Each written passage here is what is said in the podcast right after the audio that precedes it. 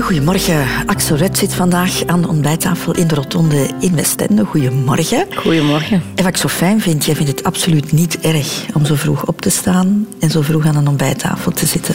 Ik vind het fantastisch. Dat is mijn favoriet moment van de dag. Is dat vroeg op, hè, normaal gezien? Ja. Ja, ja, afhankelijk van het uur dat ik ga slapen, maar uh, uh, ja, dat is vaak vijf uur s morgens. Wat doet een mens om vijf uur s ochtends? Eten. Dat is het allereerste wat ik doe. um, en ja, dus ik vind het dan heel zalig om even zo alleen te eten en uh, lezen. En vandaag krijg je er gratis het zicht op de zee bij. Ja, dat is hier. Wauw. Radio 2. De Rotonde met Christel van Dijk. Axel we gaan de komende twee uur gebruiken om jouw levensloop in kaart te brengen. En dan vooral de keuzes die jij gemaakt hebt gedurende meer dan 50 jaar ondertussen. Vind jij beslissingen nemen makkelijk? Uh, ik ben iemand die heel moeilijk beslissingen neemt. Uh, ik ben iemand die heel twijfelt. en die moeilijk knopen kan doorhakken. Is zo? Uh, ja, ja, echt heel, heel, heel moeilijk. Waarom doe je er zo lang over? Omdat ik alle mogelijkheden zie. Alle opties. En die blijven komen. Er zijn altijd honderd opties. En, en, en, de pro en de contra. En de, en de, dat, is mijn, dat is mijn brain. Mijn brain functioneert zo. of, of, functioneert niet goed. Allee, ik vind voor mezelf een beslissing pakken misschien nog iets minder moeilijk. Maar ik vind het nog veel moeilijker als je... Omdat je beslissingen houden ook in dat er repercussies zijn op andere mensen. Mm -hmm. En uh, in de eerste plaats zijn dat de mensen die dicht van u afhangen. Um, en dat, zijn, dat, dat, dat, dat is je partner, dat zijn, dat zijn je kinderen. Um, en dan heb je ook nog eens de consequenties die we zo, waar dat je echt moet over nadenken, omdat die ver zijn. Mm -hmm. En ik ben daar heel, heel hard mee bezig. Misschien wel te hard. Maar ik ben ook wel iemand heel impulsief. Dus aan de andere kant doe ik dingen waar ik dan weer niet over had nagedacht.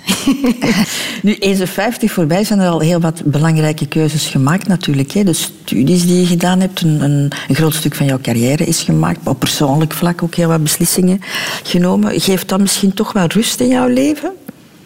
Ja, dat geeft rust. Wat dat dan weer minder rust geeft, is zo... Ik vind dat wij de eerste generatie zijn die op onze... Op deze leeftijd die ik heb, dat wij onze tweede helft van ons leven moeten heruitvinden. Zo, de generatie voor ons, dat was zo, ja, die bolde uit. Zo, die gingen ofwel op pensioen op een 60 of en die, die leefden daar naartoe. En dan daarna was het, ja, wat ga ik doen op mijn pensioen? Dan was dat, sommigen deden dan nog wel dingen, professioneel, maar veel mensen, dat was gewoon eigenlijk een hobby vinden of weet ik veel. En, en wij zijn toch wel degene die ouder worden ook en die zogezegd ook beter blijven. En ja, dus je moet, je moet eigenlijk zo een tweede adem vinden. Mensen konden vroeger op een rustigere, makkelijkere manier oud en dik worden, bij wijze van ja, spreken. maar zijn, waren ze daarom... Ik weet niet wie het, gelukkig, het gelukkigste is. Bijvoorbeeld mijn papa, dat was iemand die zei... Ik ben die onlangs, verloren, uh, dat is nu twee maanden geleden. Maar die zei altijd, ja, je moet leven naar je leeftijd. En dan zei ik altijd tegen papa, welke leeftijd? Tien jaar jonger?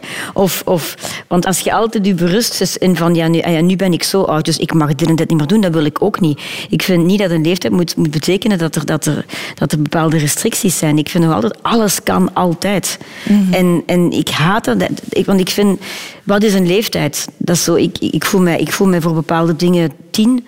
En ik voel me soms op bepaalde momenten 80. En dus ik, wil, ik, ik weiger van te denken dat ik een leeftijd heb. Maar uh, de realiteit is er wel dat er natuurlijk wel een generatie achter u komt. Of op zeker moment dat uw lichaam uh, wel een bepaalde leeftijd heeft. Of uw geest. Of, die, die, die, die, die, die aftakelt.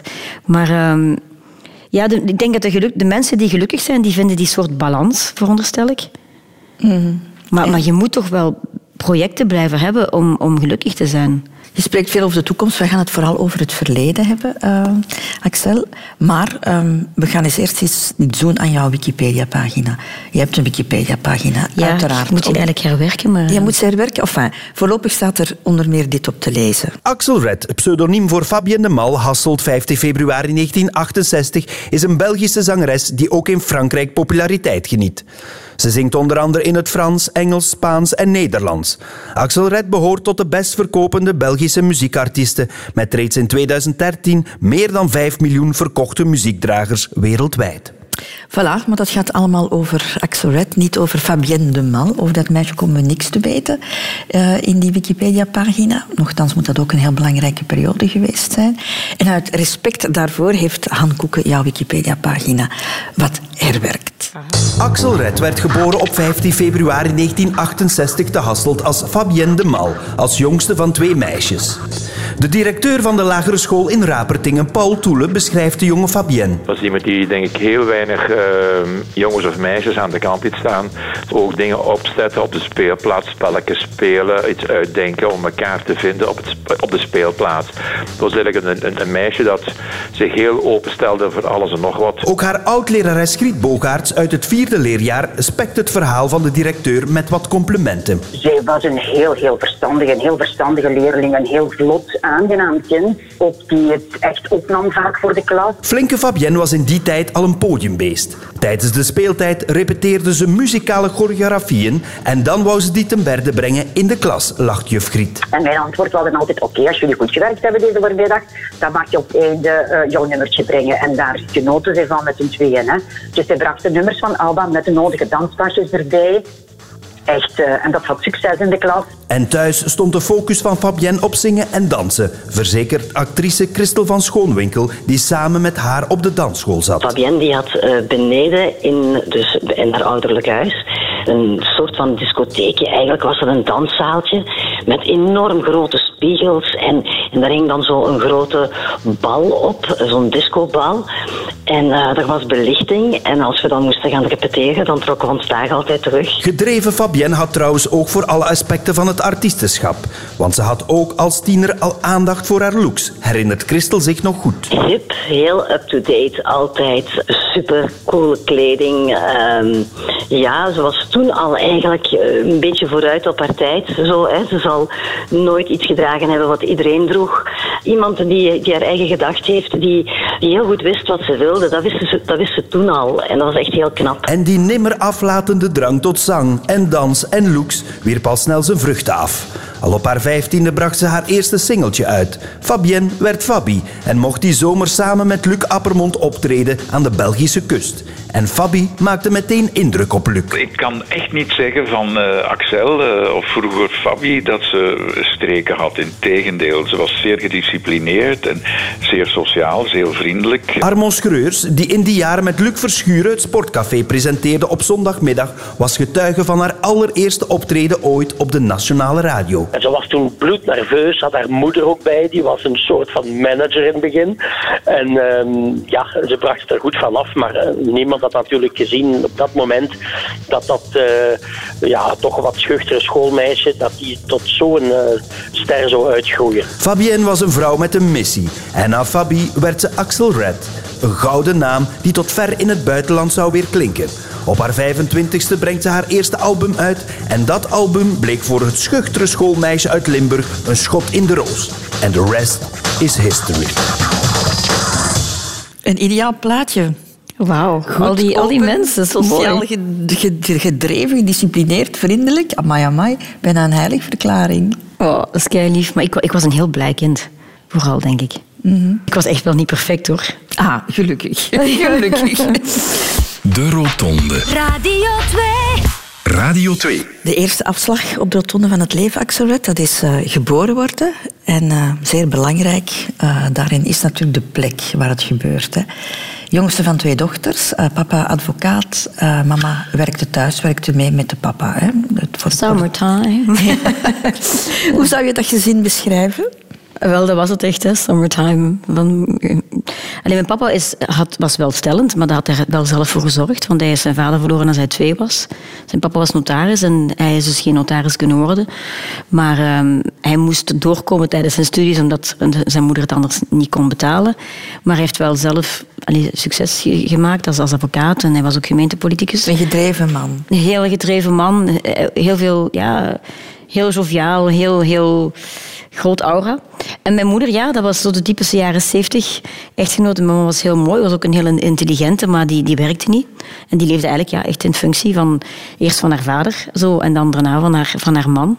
En dus die was dan wel thuis. En eh, trouwens, wanneer dat ik besliste dat ik wilde muziek maken, dan was zij zo degene die echt, zoals we daarnet zeiden, zo, die mijn manager was, die heeft mij heel hard ge- geholpen en, en, en gesteund. Maar ik heb een perfecte... allee, ik, ja, ik heb echt een waanzinnig toffe jeugd gehad. En eh, ik, ik leefde, wij leefden in zo'n wijk. En eh, waar dat wij constant op straat speelden. Dat was ik noem dat de periode pré-Dutroux. En ik vind dat ook heel erg als ik daaraan denk dat ik mijn kinderen... Omwille van die, dat, tijd, dat Du- post-Dutroux-tijdperk, één... Maar ook omwille van mijn, van mijn carrière eigenlijk, heb ik mijn kinderen niet dezelfde jeugd kunnen geven. Zij beweren dat ze gelukkig zijn en, en zijn geweest. Maar ik, heb er, ik, ik vind dat soms heel erg. Omdat ik zo perfect gelukkig was. Nu, ze hebben wel een gelukkig gezin, want allee, ik, ik, heb mijn, ik heb een goede koppel, we zijn, we zijn gelukkig. Terwijl mijn ouders, die kwamen wel als vrienden overeen, maar dat was geen goed koppel. Ja, want Ja. jouw ouders zijn een beetje een, een vreemde gezinssituatie, vind ik. Jouw ouders eh, zijn gescheiden, maar zijn toch wel samen blijven wonen. Ja, maar mijn ouders kwamen goed overeen. Allee, wij, wij, wij, wij- we hadden zo... Ik denk dat dat die... Zo de, dat, is, dat, is, dat is geen grap, maar dit, het was de moppen die ons samenhielden. zo, wij, grapten gewoon thuis. Dat was mijn papa, die, die vertelde altijd moppen en wij lachten gewoon heel veel thuis. En nu, het was wel minder grappig als mijn mama vernam dat mijn papa een andere relatie had. En, eh, maar toen was ik dertien en tot mijn achttien is mijn mama thuis blijven wonen. Waarom? Maar- waarom? maar die en zit was- bij mij in de kamer. En ja, het was ook een beetje waarschijnlijk zo die, die, die periode. Dat het niet zo evident was om zomaar weg te gaan. En mijn mama hing ook af van mijn vader, want ze werkte niet. Dus ik ik vind het allemaal typisch zo, die, die andere periode voor vrouwen dan vandaag. En haar vader, ja, er is ook de druk van de familie van haar, die zoiets had van, ja, je blijft toch wel bij je gezin. En, en, als, en, en wij kinderen waren er eigenlijk in alle eerlijkheid een beetje egoïst blij mee. Want dan mochten, moesten wij niet verhuizen. Nee, kinderen zijn heel raar. Hè? Zo, ik vond het wel heel erg als mijn mama niet, niet gelukkig was. Maar, ehm, Maar wel maar, blij. maar, maar toch hadden wij, ondanks die het feit dat die, dat die geen koppel meer waren, dat die ook wel ruzie maakten, om, ehm, bleven wij toch wel lol hebben samen als familie. En, en ik heb ook nooit in mijn, mijn ouders als koppel geloofd. Die kwamen goed overeen als, als, als personen. Maar eh, ik heb nooit in die een liefde gele- geloofd. Wat heeft jou dat geleerd over, over relaties? dat je de juiste partner moet kiezen. En eh, ja, mm, zij hebben elkaar gewoon... Niet dat ze elkaar niet gekozen hebben of zo, maar het, wa- het was gewoon de omstandigheden die maakten dat ze getrouwd zijn. En er was, er was wel heel veel... eh, zeggen, diepe liefde of zo. En, en respect en, en affectie of zo. Maar dat was niet de- dezelfde keuze als dat je hebt als je allebei kan studeren en allebei kan, kan een beetje je- eigen keuzes maken en dan elkaar tegenkomt. Of, of, of die keuzes samen maakt. Dat was niet het geval. Maar ondanks alles ben jij in een, in een of moet ik zeggen, gelukkig opgegroeid. Toch Heel gelukkig. En nu, ik heb daar wel af, van afgezien hoor, wanneer ik dertien was. Dat is toch wel een druk op je schouders dat je ziet dat je mama niet gelukkig is. Dus, eh, en dat heeft zich geuit in, in, in... Ik heb bijvoorbeeld een eetstoornis gehad als ik tiener was en zo.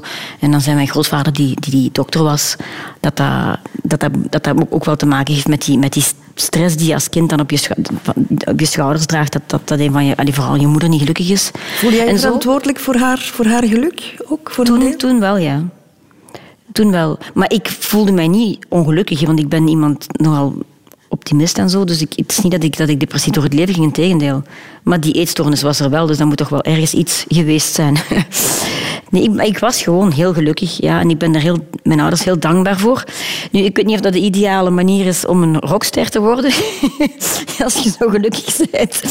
Maar ehm, misschien toch wel om een popster te worden. Maar wat is een rockster en wat is een popster? Ik denk dat ik ook wel een rockster ben in de zin dat ik... ehm, ik noem mij een, een lieve anarchiste. Dus... eh, Dat klinkt leuk. Lieve anarchiste, wat bedoel je daarmee? Wel ja, ik hou niet van regels. Eh, ik heb, maak graag mijn eigen regels. En ik volg de regels alleen maar uit liefde voor de medemens. De keuze voor het podium, Axel Red. Je was vrij jong, hè? Zes jaar toen jij besliste van ik wil zangeres worden. Was zo duidelijk? Maar ik, ik, ehm, ik danste al, al van als ik echt nog, nog kleiner was. En eh, ik vond het al onmiddellijk frustrerend wanneer ik niet in het midden vooraan mocht staan. Want dat hangt je af van de beslissing van de juf. ik denk dat ik heel snel beslist heb van ja, als ik zangeres word, dan weet ik dat ik in het midden sta. Ehm, En ik zong ook wel heel graag. En, en dat is ja, zonder daarom pretentieus te zijn of zo, maar je beseft ook snel wanneer dat je, dat je, dat je juist zingt. En uh, je ziet aan de reacties van de kinderen in de klas rond jou. En, en, en ik, ik vond niks zo zalig om op een podium te staan. Gewoon als we zo eender wat er, wat er gebeurde op school of, of er of die balletoptredens. Ik, ik lees daar gewoon een heel jaar naartoe om, om die ene keer op dat podium te kunnen staan. Nochtans, het zat niet in de familie. Hè? Of ja, natuurlijk, jouw vader was advocaat, dan sta je ook op een podium. En wel, ja, mijn papa, mijn papa vond het zalig om op een podium te staan. Um, en dus die durf was dan weer van hem. En dan mijn mama, haar zus, was een uh, sopraan. Dus het muzikale was dan toch wel uit die familie eerder, denk ik. Mijn grootvader was ook echt een melomaan.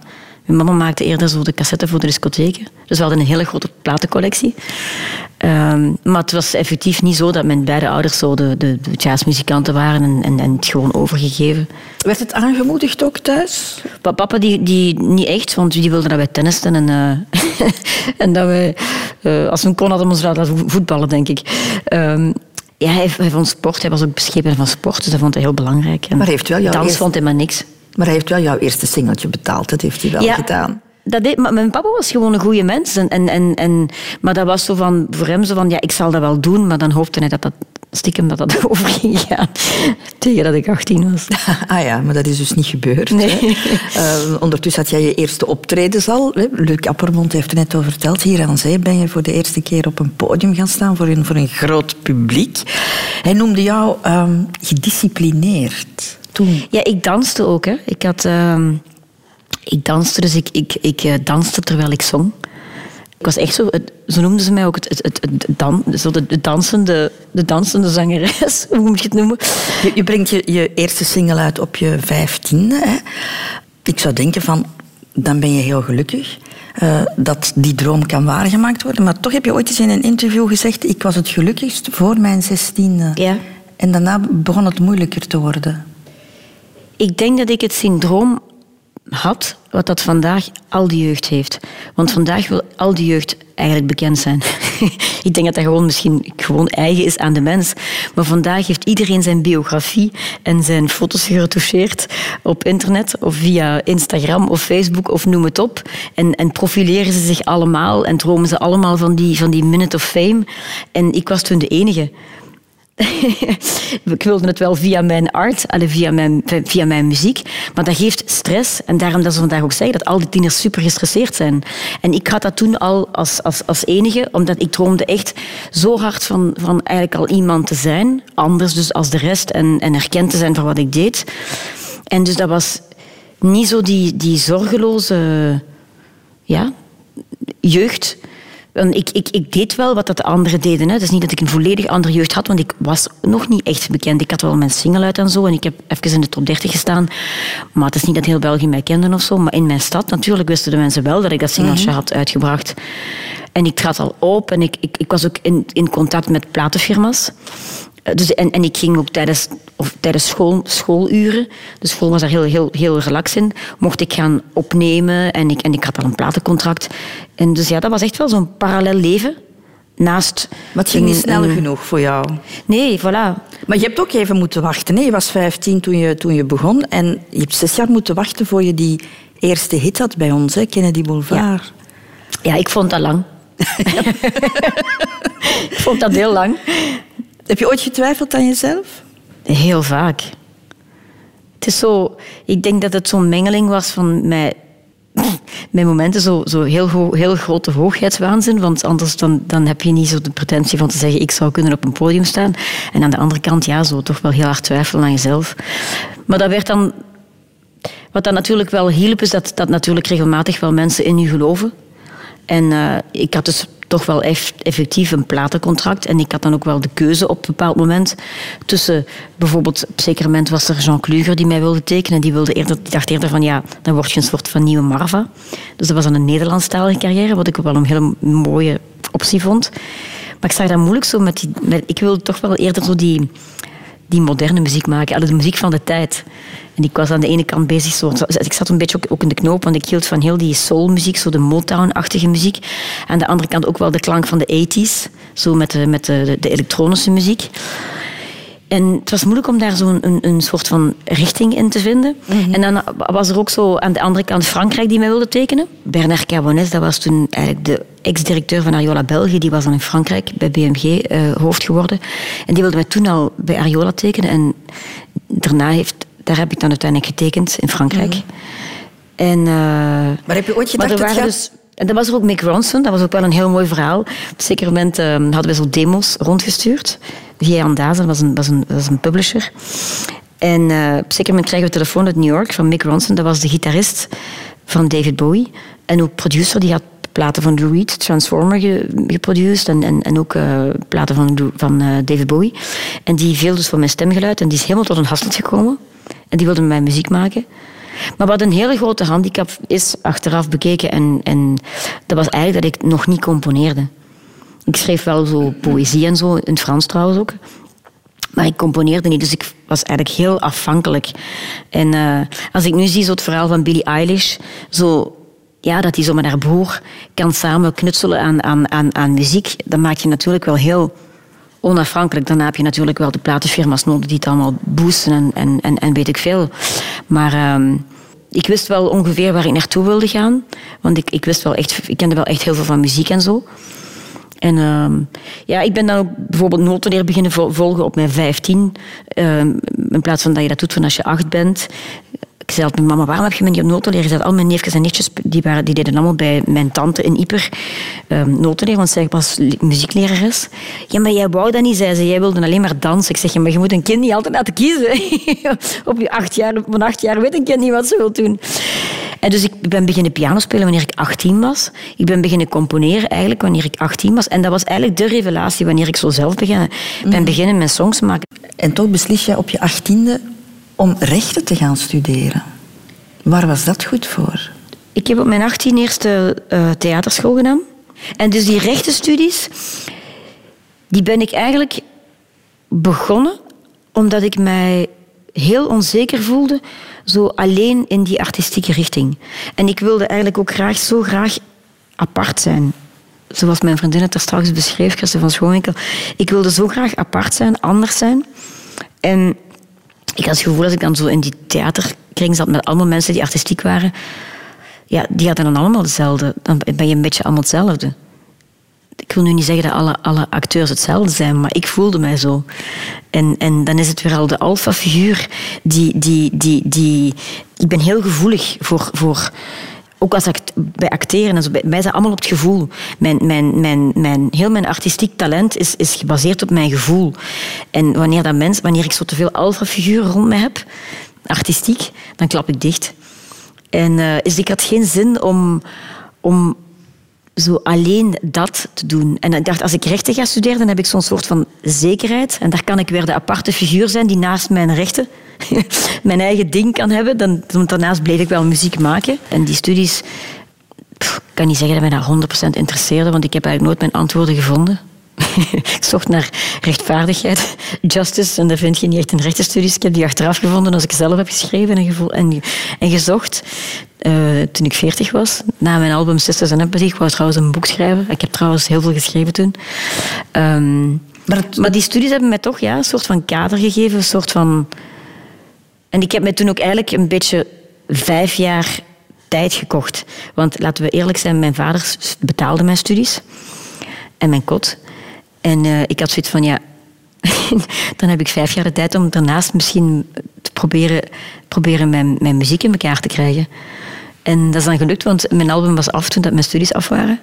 En dat is dan uitgekomen toen ik mijn diploma had. Ja. Dus het was een beetje brekend ook. Maar, ik, maar het was vooral, dat, ja, vooral toch wel dat, dat onzeker gevoel wat ik helemaal niet fijn vond.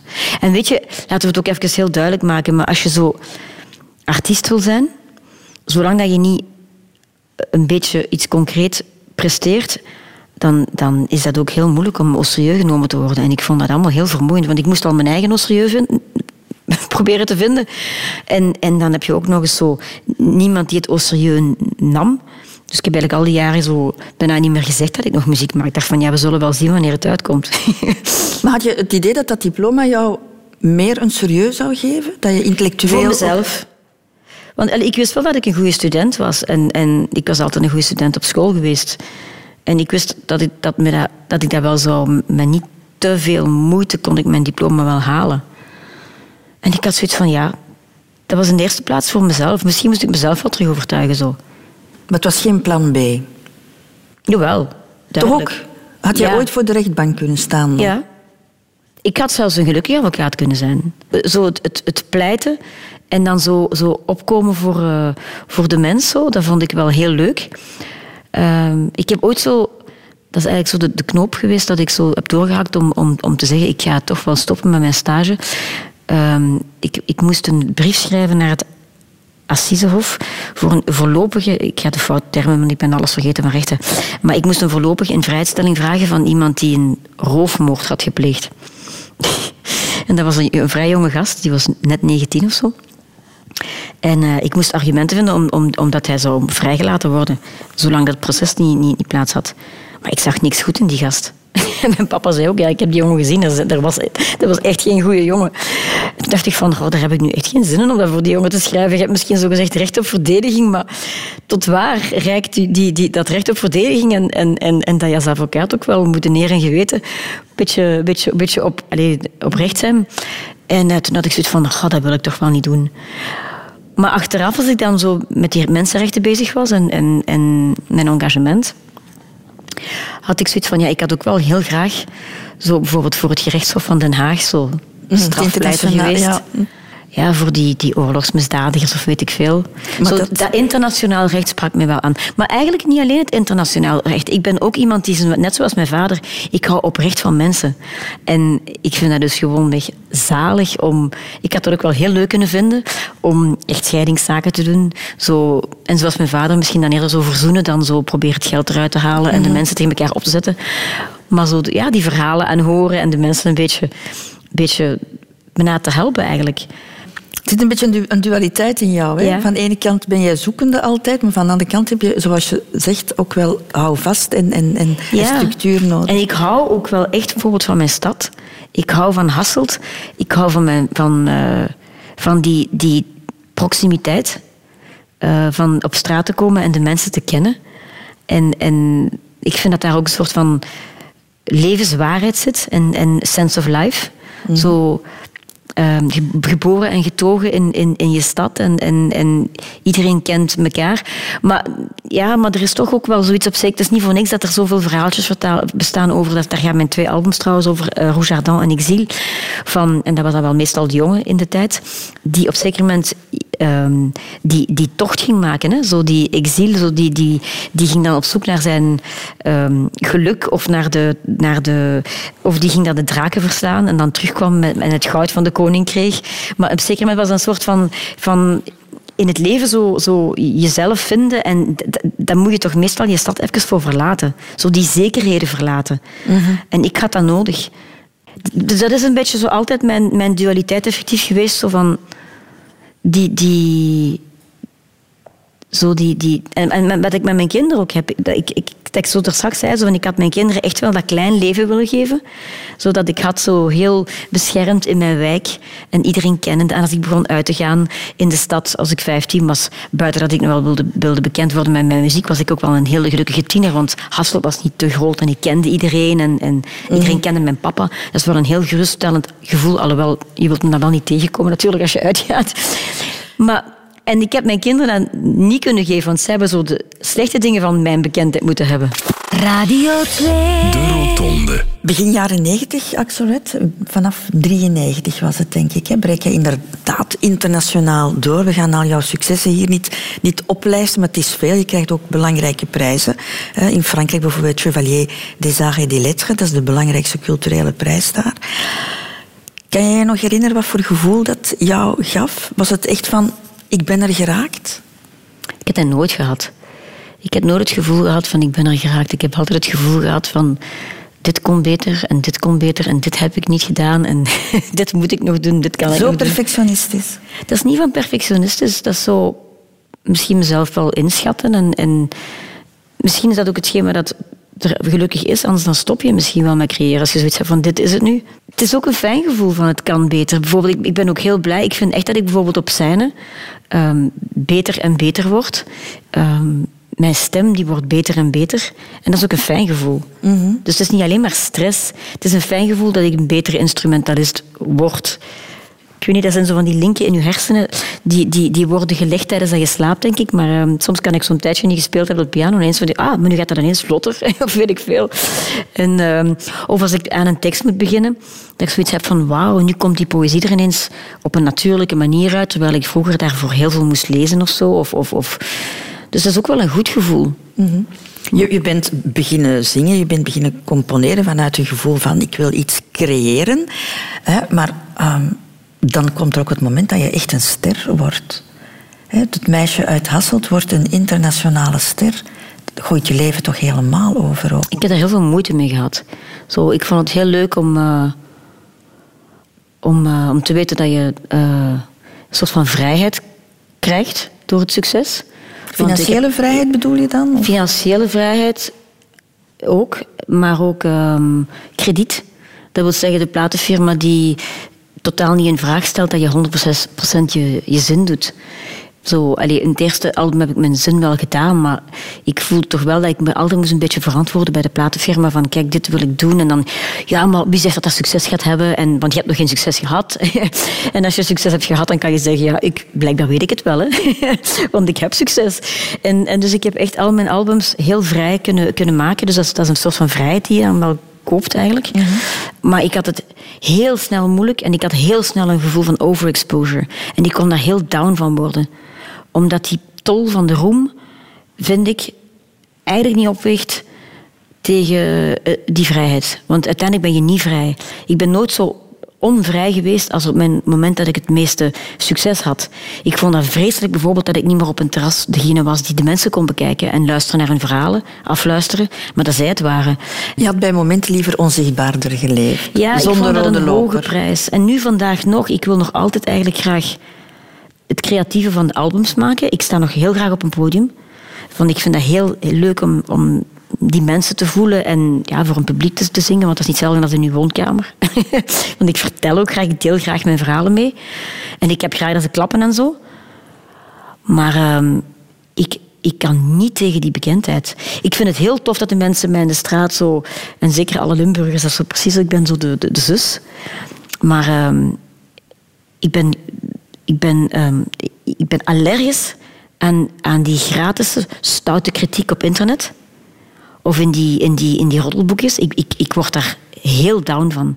Omdat ik, ik, ik kan sowieso niet tegen gratis stoutigheid. En sowieso niet. En ehm, niet tegen mij, niet tegen andere mensen. Ik, en eh, er is niks dat mij zo ongelukkig maakt als dat. En, eh, en voilà, dus, dus ik ga bijvoorbeeld ook nooit op internet. Ik, ga, ik tik nooit mijn naam in op internet. En ik heb daar ook keuzes, bewust keuzes voor gemaakt. Zo, ik heb heel veel dingen niet gedaan om te moeten vermijden van zo'n personage te worden die dat moet incasseren. Sommige mensen zijn daar volledig helemaal niet, niet gevoelig voor. Hè. Sommige mensen... Ik las over laatst nog van Gwyneth Paltrow, die, die, die zegt van laat ze maar allemaal op mijn, op mijn, op mijn eh, kop zitten. Eh, iedere keer als ik in... Good, eh, bad news is... is, is, is good news. Is- is- is en- en- also en blijft maar- Want ze heeft daar een firma die maar blijft verkopen. Ik, ben, ik, heb die, ik heb die dikke huid niet. Op een bepaald moment, um, maak jij de keuze om jouw bekendheid te gebruiken. Hè? Mag ik toch het woord zo gebruiken, denk ik. Om jou te engageren. Hè? Voor, voor UNICEF onder meer. Je voert campagne tegen vrouwenbesnijdenissen, kindhuwelijken. Je pleit eh, voor eerlijke handelsprijzen met, met, eh, met Oxfam ooit, hè? Jaren geleden. Waarom was dat artiestenbestaan niet voldoende meer? Maar ik vind dat je op zeker maar iets moet teruggeven. Het is een soort van de vrijheid die ik kreeg, ehm, waar we het over hadden, zo het feit dat je zo die vrijheid krijgt omdat je succes had, ehm, dan, dan vond ik, ik vond dat ik te veel wat ik had, wou ik teruggeven aan de anderen. Want die beseft dat er andere mensen gewoon een prijs betalen voor, voor onze keuzes. En ik zeg niet dat er een rechtstreeks verband is tussen, tussen, de, tussen de vrijheid die ik mezelf opeis en tussen de restricties die andere mensen hebben. Maar ik voel me toch wel heel verantwoordelijk. Wij in het Westen en wij die alles kunnen en wij die alles mogen en dat vanzelfsprekend vinden. En zij die, die in al die, al die andere landen het niet hebben. Ik vind dat zij, betalen voor een stuk de prijs voor onze keuzes. En ik vind dat wij allemaal interconnected zijn. Maar jij smijt je daar dan weer 100% in, hè? Ja, ik ben niemand zo totaal. Hè. Dus, en dan ben ik zo... Ja, via UNICEF en via verschillende organisaties ben ik mij beginnen engageren. En ehm, dat was ook een soort van mes dat aan twee kanten sneed. Want eh, je stelt je ten dienste van die, die organisaties die dan de middelen hebben om dingen te veranderen. Eh, maar ik was heel gefrustreerd, want ik, ik, ik, ik, ik, ik heb echt eh, achteraf beseft dat ik een soort van posttraumatisch stresssyndroom heb opgelopen. Als je, als je werkt bijvoorbeeld voor van die eh, NGO's, mensen die op terrein werken, als die terugkomen in de bewoonde wereld, dan krijgen die dus hulp en, en, en begeleiding om, om die, die zware dingen die ze hebben meegemaakt, al die, die, die, ehm, dat onrecht, die krijgen daar begeleiding voor om terug opnieuw te kunnen functioneren in onze maatschappij. Of iemand, een militair, die, die op missie is geweest en die heeft al die, die, die misbruiken gezien, of, die, of die, die, krijgt, die krijgt begeleiding. Die krijgt psychologische hulp, die kunnen daarover begeleiding. En ik vind dat die organisaties, ehm, en ik zeg dat echt met, ik durf dat echt wel zeggen, dat die volledig ehm, onderschatten ehm, dat wij ook wel eens heel gevoelig kunnen zijn voor al die, die, die toestanden die wij zien. En nu moet ik wel zeggen, ik was wel iemand die ook wel op zoek ging naar de antwoorden. En we gingen dan bijvoorbeeld onschuldig vaccineren van baby's doen.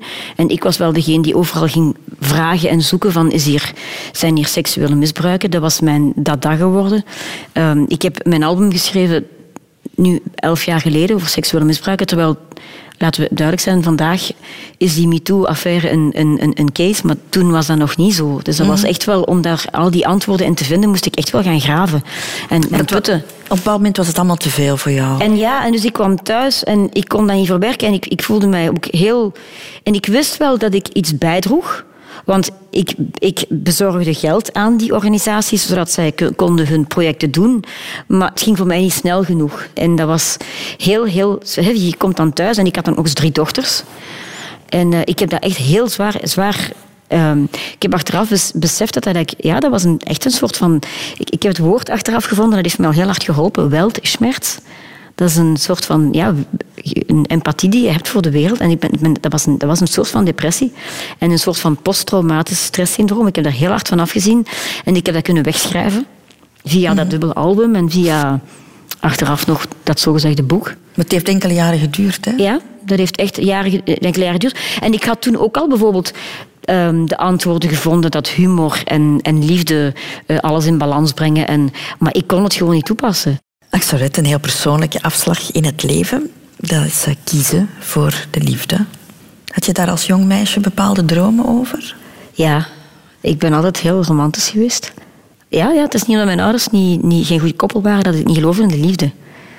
Oh nee, nee ik, ik, ik, was, ik was heel romantisch. Ik had ook al een liefje als ik twaalf was. Het heeft twee jaar geduurd. Dat is lang, was- ja, ja, die ja. Nee, dat was echt wel... eh, en dat was mooi, dat was mijn beste vriend. En eh, trouwens, ik ben nog altijd bevriend met, met hem en zijn, en zijn, en zijn huidige vrouw. Dat is echt tof. En daarna had ik, had ik weer lang een lief.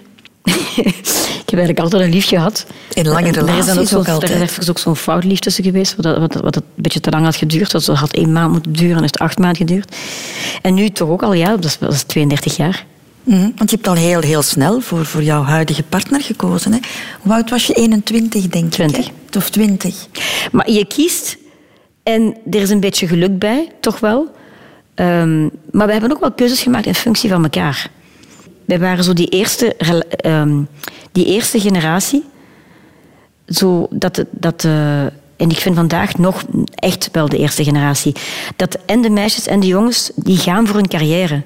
Zo in mijn generatie was het toch nog een beetje... Het meisje ging studeren, maar veel meisjes, eens dat ze op, tijdens die studie hun diploma hadden gehaald en hun lief hadden binnengehaald, dan gingen ze er eigenlijk niet meer echt voor. Dan, ging het, dan was toch wel die eerste keuze het koppel en kinderen krijgen en ze waren blij met het diploma. En, maar dat was toch wel een beetje in functie van het koppel gaan. En ik heb vandaag de indruk dat het de eerste generatie is waar de meisjes en de jongens echt volledig zoiets hebben van nee, ik ga voor mijn carrière. En ik vond dat voor ons al een hele met mijn vriendinnen hebben we het daar vaak over gehad. Zo, dat was zo een grote desillusie. Dat wij zo de illusie hadden dat wij dezelfde kansen hadden als de man. Zo, we konden studeren en we konden alles vergaan. En dan komen die kinderen. Van oei, ja maar wauw, we willen er wel zijn als mama. En het gaat niet zomaar dat je kan zeggen... ehm, ik ga nu die kinderen wel met een met een nanny zetten of dan moet je dat nog kunnen betalen. Of de combinatie met de crash en de grootouders. Want die grootouders die beginnen allemaal vandaag een, een eigen nieuwe carrière. En wij waren echt zo een beetje... En ik zie heel veel van vriendinnen van mij die echt zo hoge studies hadden gedaan en echt hoge verwachtingen en hoge capaciteiten hadden. En die dan drie kinderen hadden gemaakt en dat ze ook wel dat, dat, dat, die droom hadden. En die hebben moeten uh, hun droom zien, zien, zien gaan. Zo. Zo gedesillusioneerd dat ze hun carrière niet hebben kunnen maken, want ze wilden ook wel hun koppel, ofwel een, hun koppel houden, ofwel... En ik noem dat altijd de prijs te betalen. En ik zie dat... Ik zie weinig mensen rond mij die het allemaal hebben. En ik geef dat ook in mijn koppel. Hebben wij ook samen keuzes gemaakt. We hebben um, op zeker moment samen, um, zo bijvoorbeeld uh, mijn man, die, die, die, die, die hebben wij gezegd van we gaan één jaar proberen zo die muziek te doen. En uh, als dat niet lukt, dat we allebei dit doen, dan doe jij de muziek verder en dan ga ik toch terug in het bankwezen werken, bijvoorbeeld. En op zeker moment was het ook zo, kon hij bijvoorbeeld in Frankrijk een, een, eh, grote uh, artiestenmanagement company leiden. Maar dan was dat zoiets van, ja, ik zag me niet in Parijs wonen. Van, is dat de keuze voor ons koppel? Is dat ideaal? Of mijn carrière als zogezegde actrice, was dat wel ideaal voor ons koppel? En we hebben toch bewust, onbewust ik vaak gekozen voor ons koppel. Dus achteraf heb ik zo, hebben we bepaalde dingen niet gedaan, ook niet in de carrière. Maar we zijn er nog altijd met ons tweeën. En... Maar is het het feit dat jullie samenwerken, want hij is jouw manager, hij, hij, volgt jou, hij gaat overal met jou naartoe. Heeft dat geholpen om, om, om het als koppel vol te houden? Volledig. Want de mensen zeggen altijd van ja, is dat niet moeilijk als koppel samenwerken? Ik denk in tegendeel. Ik denk het feit dat we samen die, aan die weg timmerden en, en ook samen, dan begrijp je ook heel goed de desillusies wanneer het komt, omdat je er samen voor gaat. Dat is natuurlijk ook niet altijd makkelijk, want ja, dan komen de verwijten als er iets niet goed loopt of weet ik veel. Maar toch, je hebt heel veel begrip en je maakt ook vooral die ervaring. Ik, ik, ik, ik, ik geloof niet in afstand te veel tussen koppels. En al die opnames bijvoorbeeld die we samen deden in Memphis of in Woodstock, en die, dat was altijd zo'n ongelooflijk waanzinnige ervaring. Daarom dat ik vandaag echt wel durf zeggen dat de journey voor mij is nog altijd belangrijker geweest in mijn carrière dan hetgeen ik bereikt, bereikt heb. Ik heb zo'n prachtige... De weg ernaartoe. Ja, ik heb zo'n prachtige dingen meegemaakt, artistiek, men, op menselijk vlak, al die samenwerkingen. En dat we dat samen hebben mogen beleven, dat is voor mij het mooiste van mijn carrière. Jullie zijn ook samen groot geworden, bij wijze van spreken. Ja. Samen gestudeerd aan de universiteit. Uh, en dan het succes van, van, van jouw eerste plaat kwam allemaal tezamen. Hè? Ja. En dan die liefde. Heel veel, heel veel emotie toch op, op korte tijd. Ja, Allee, ik, ik zeg het, we zijn, we zijn nooit um, um, veilig tegen, hoe zeggen ze, à l'abri, um, beschut. Geschut of beschut tegen, tegen, tegen de val. Dat is, dat is iets heel fragiel. Maar, Zijn er momenten geweest dat jullie elkaar een, ja, ja, ja, we hebben een beetje we hebben, kwijt waren? Toch? We hebben een serieuze crisis gehad toen we heel jong waren. Dus allee, dat vind ik normaal, want allee, dat was echt wel ja, een gebrek aan maturiteit, denk ik. Bij hem. Bij hem. en, um, en dan hebben we nog een hele zware crisis gehad uh, na de geboorte van ons eerste kind.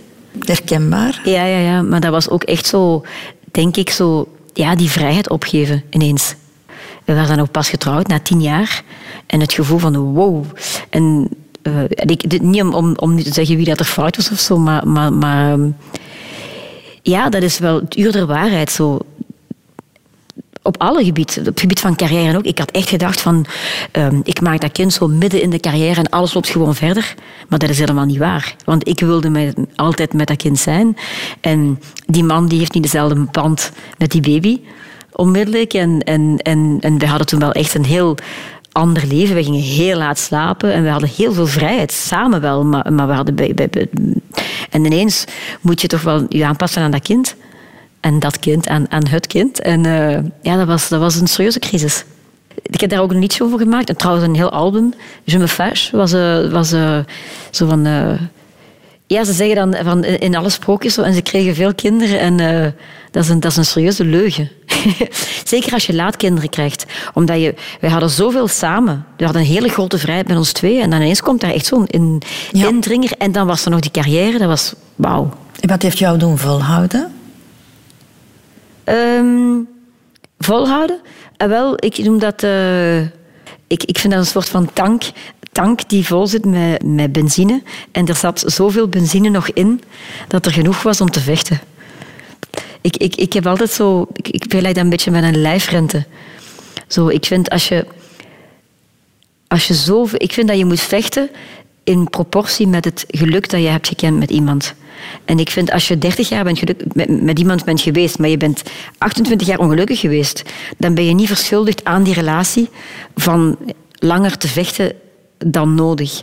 Maar als je 30 jaar gelukkig bent geweest of 28 jaar gelukkig bent geweest en er is twee jaar crisis, dan vind ik het de moeite voor jezelf en, en, en aan de anderen om, om, om echt wel te vechten.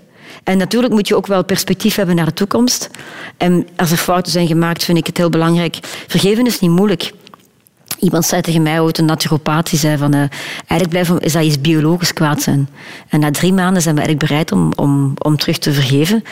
Maar, maar de ander moet natuurlijk wel je reden geven om te vergeven. En, en, en je moet wel terug hoop hebben om, om, om, om, om nog een toekomst te hebben. En, en dat, is, dat, dat doet vechten, want dat is niet makkelijk. Dat, heeft twee jaar, dat is twee jaar vechten geweest. Vertrouwen terugvinden, eh, ja, blessures, blessures herstellen, dat, dat neemt tijd. De grootste familie.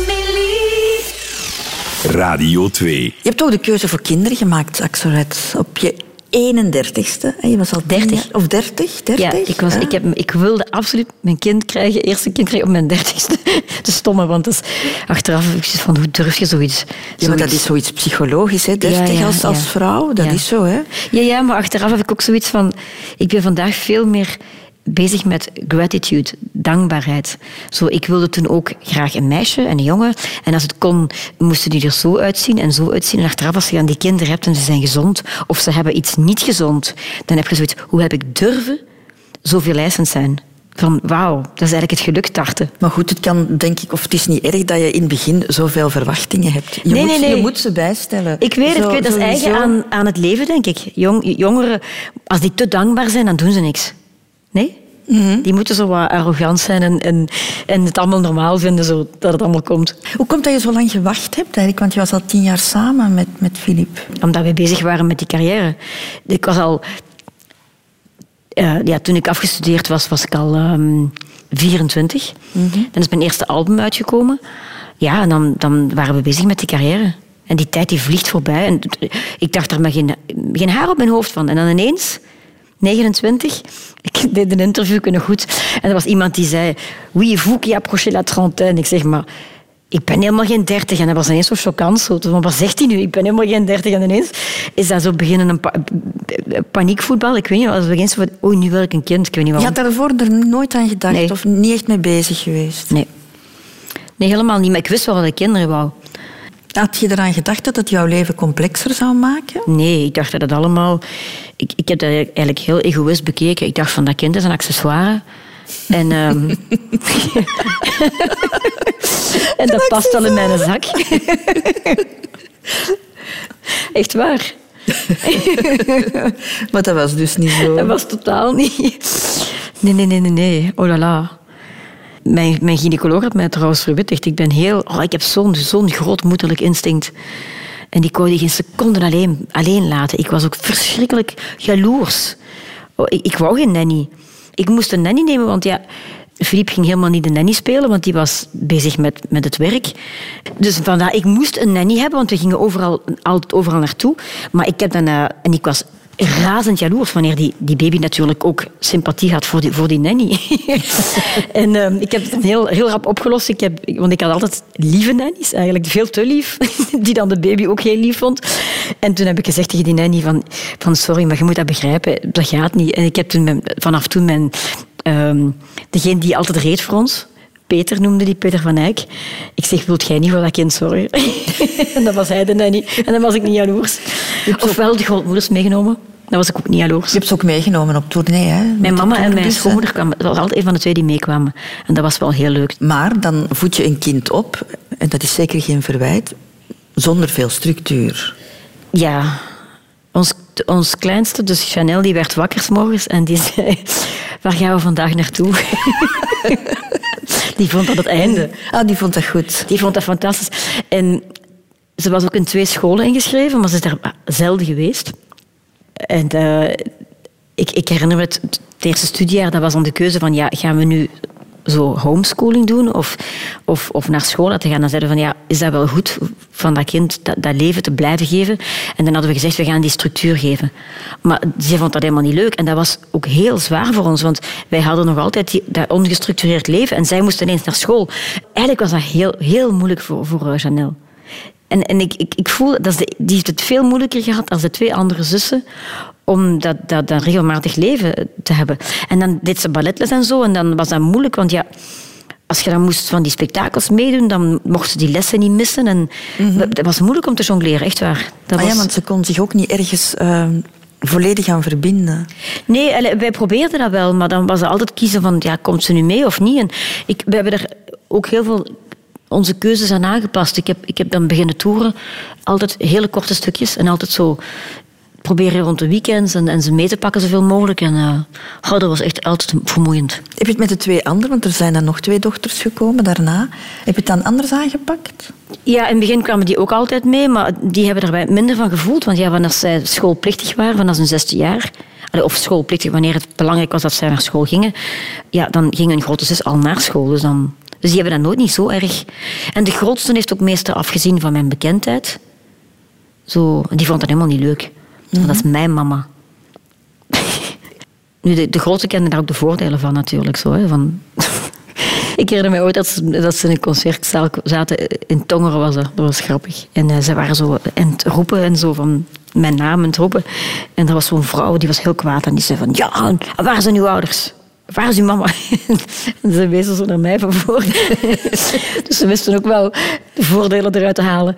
En, maar Janelle die had bijvoorbeeld ook zo'n... Ook zo, dat is wel moeilijk, omdat... Ik ben heel zeker, moest mijn mama zo een, veel plaats genomen hebben, dan weet ik niet of ik zangeres was geworden. En daar heb ik soms heel veel moeite mee. Ik was echt zo het centrum van, van ons huis. Want ik, ik nam echt heel veel plaats. Ik was een heel sympathiek kind, maar ik nam echt wel veel plaats. Mijn zus was een stiller persoon zo. Chanel die was kind en op haar twee jaar kwam die voor het eerst naar mijn concert kijken, want normaal ging die altijd slapen in de bus. Ik legde die dan te slapen voor ik op, op scène ging. En de, de mensen riepen mijn naam, de naam van haar mama. En zij keek zo rond zich. En zei zo, Janel, Janel. dus ik vond dat is wel gezond. Maar dat moet toch heel perturberend zijn voor een kind? Denk, allee, ik ben daarvan overtuigd. Heb je daar met die kinderen ooit over gesproken? Ja, ja, toch wel. Maar het was zo, die kenden niet anders. Maar ze het jou zagen hun mama, die bekende. Nee, ze zeggen van niet. Ze zeggen dat echt van niet, maar ik vind dat zij toch wel een prijs hebben betaald voor mijn carrière, voor mijn, voor mijn bekendheid, voor mijn, voor mijn pff, zware momenten, allee, in mijn zware denken van, van mijn engagement. Ik was ook wel, ik was ook wel licht. hè. Ik, ik overdrijf nu. Hè. We hebben echt wel, wij lachten, we hebben altijd veel gelachen thuis. Want ik heb echt wel zo de, de moppen overgenomen van mijn vader. Zo die stomme humor. Zo. We hebben echt ook wel altijd veel gelachen. Maar, eh, maar toch, het was toch niet die zorgeloze jeugd die ik heb gehad.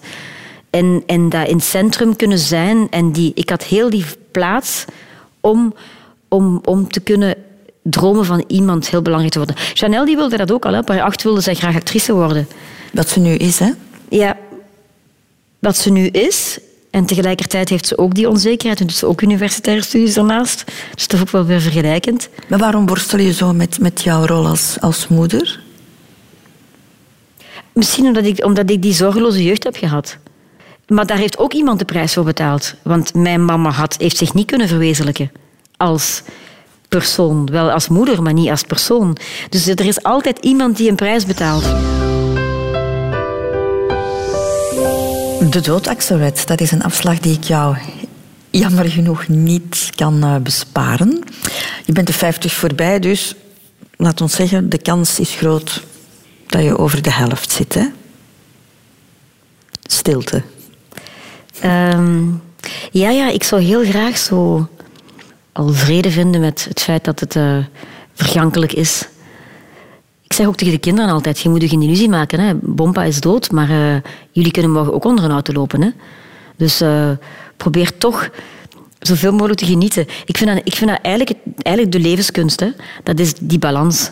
Dat is die balans vinden tussen de carpe diem en elke dag een feest maken en toch die mier te zijn die, die, die werkt aan de winter die komt en aan de carrière die komt en je eigen verwezenlijken en, en dus die krekel en die mier, zo die, die balans vinden. En, en goed zijn rond de mensen rond u, maar toch ook genoeg egoïsme hebben om u, om u, om waar te maken en, en, en, en, en proberen een partner te vinden, maar u toch niet wegcijferen in die relatie.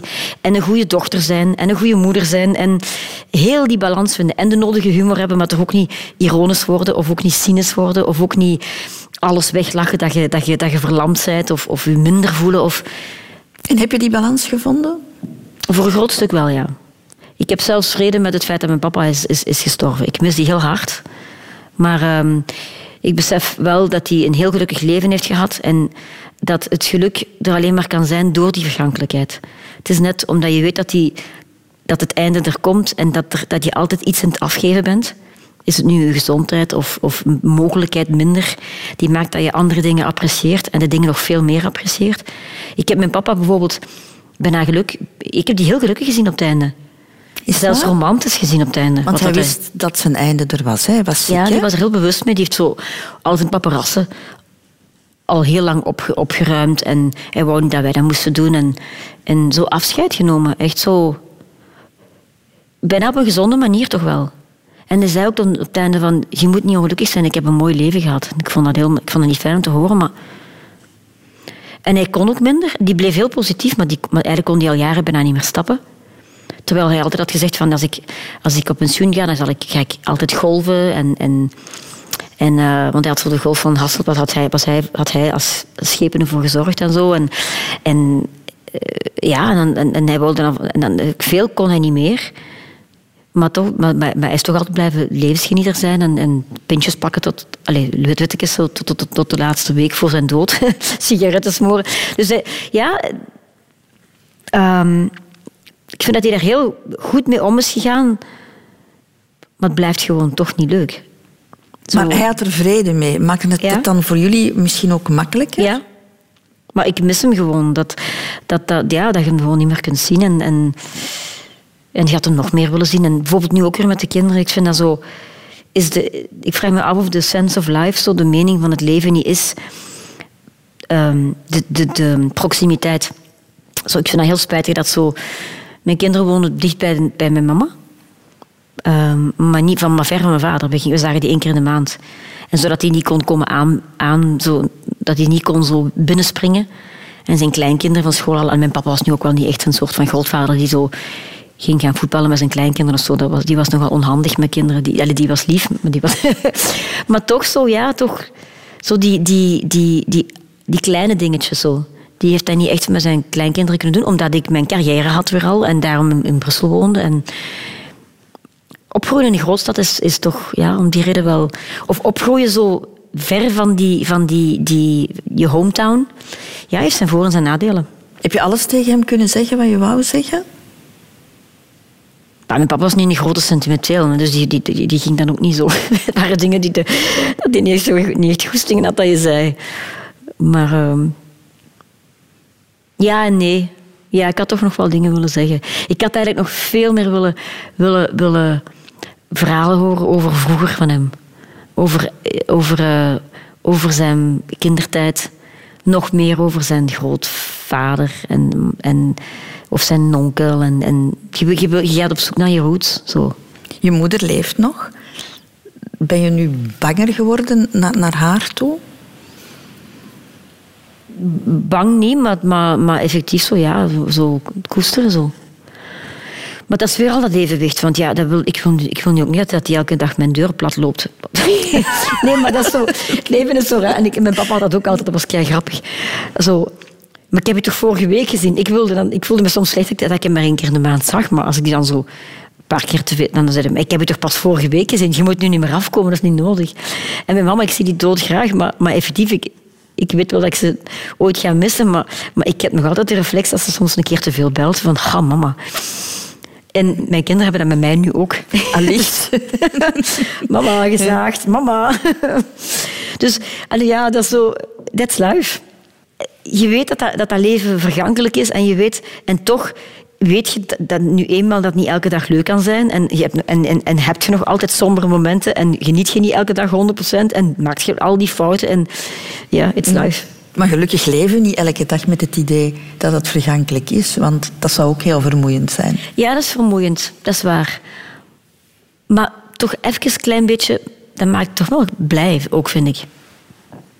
Zo als ik ga wandelen en, eh, en ik ga elke dag wandelen, zo in het bos, of, of waar ik ben.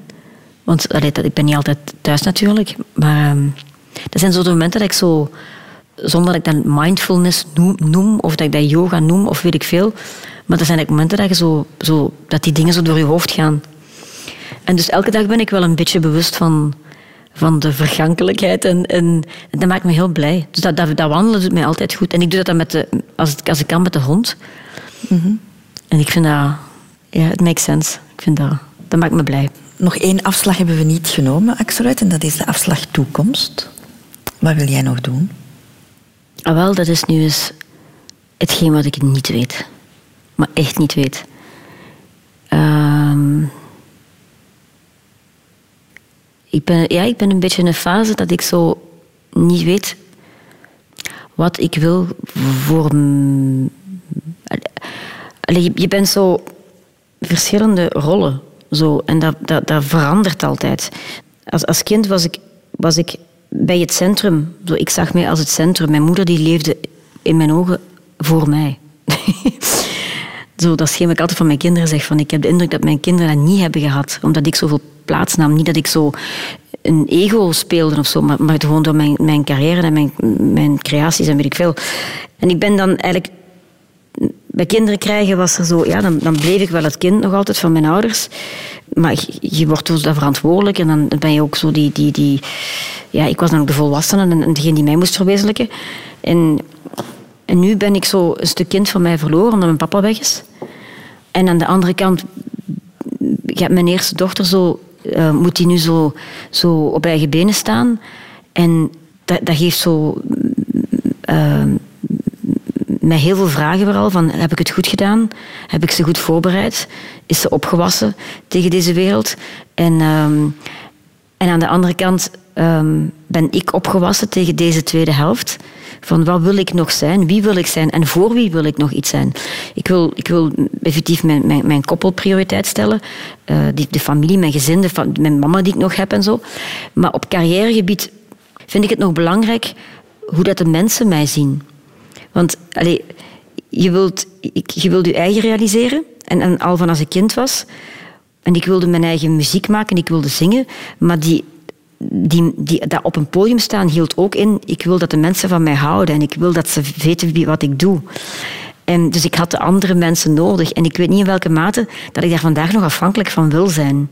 Dus ik weet niet of ik nog albums eigenlijk wil maken, die prijs wil betalen van die, die tol van de roem. Ja, of ik het belangrijk vind of de mensen wel echt weten wat ik heb betekend. En, en zo van die dingen allemaal. Ik weet niet hoe belangrijk dat nog is voor mij. Maar ik, ik weet niet of ik, of, ik, of, of ik het zo bijvoorbeeld... Ik doe dikwijls die denkoefening. Zou ik gelukkig zijn als een soort van anonieme persoon in een andere stad? Zou ik gelukkig kunnen zijn in een stad waar niemand mij kent? Hoe belangrijk vind ik het dat mensen weten wie ik ben, wat ik doe? Ja, hoe wil ik mijn leven invullen en wat heb ik nodig? En, en er is, maar, maar, maar, maar, de mensen moeten ook niet een illusie hebben dat alles gewoon het- hetzelfde is als je 50 bent. Dat is niet zo. Het is niet zo dat je dezelfde kansen krijgt. Je kan bijvoorbeeld een album maken en een feit is, je komt bij de radio, er zijn prioriteiten die gaan naar een jonge generatie. En dat is niet alleen in de muziek zo. Dat is bij mensen eh, op, op elk professioneel gebied.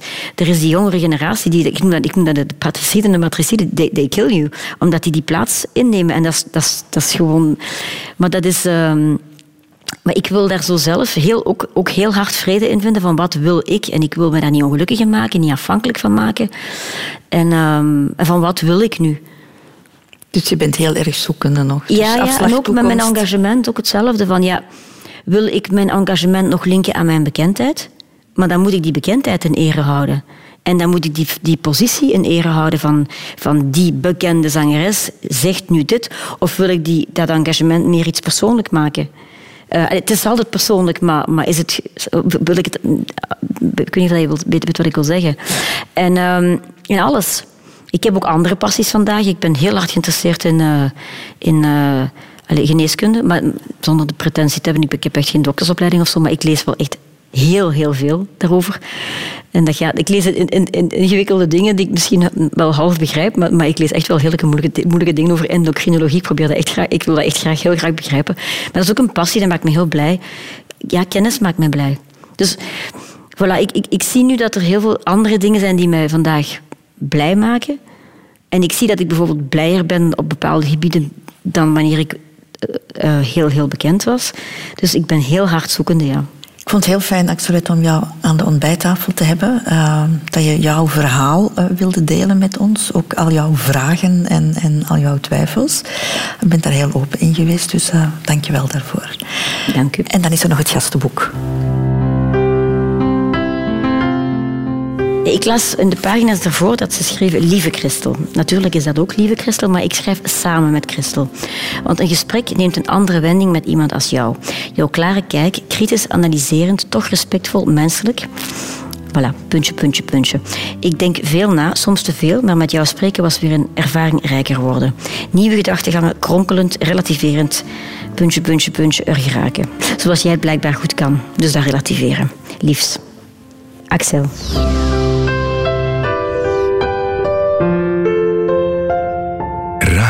2.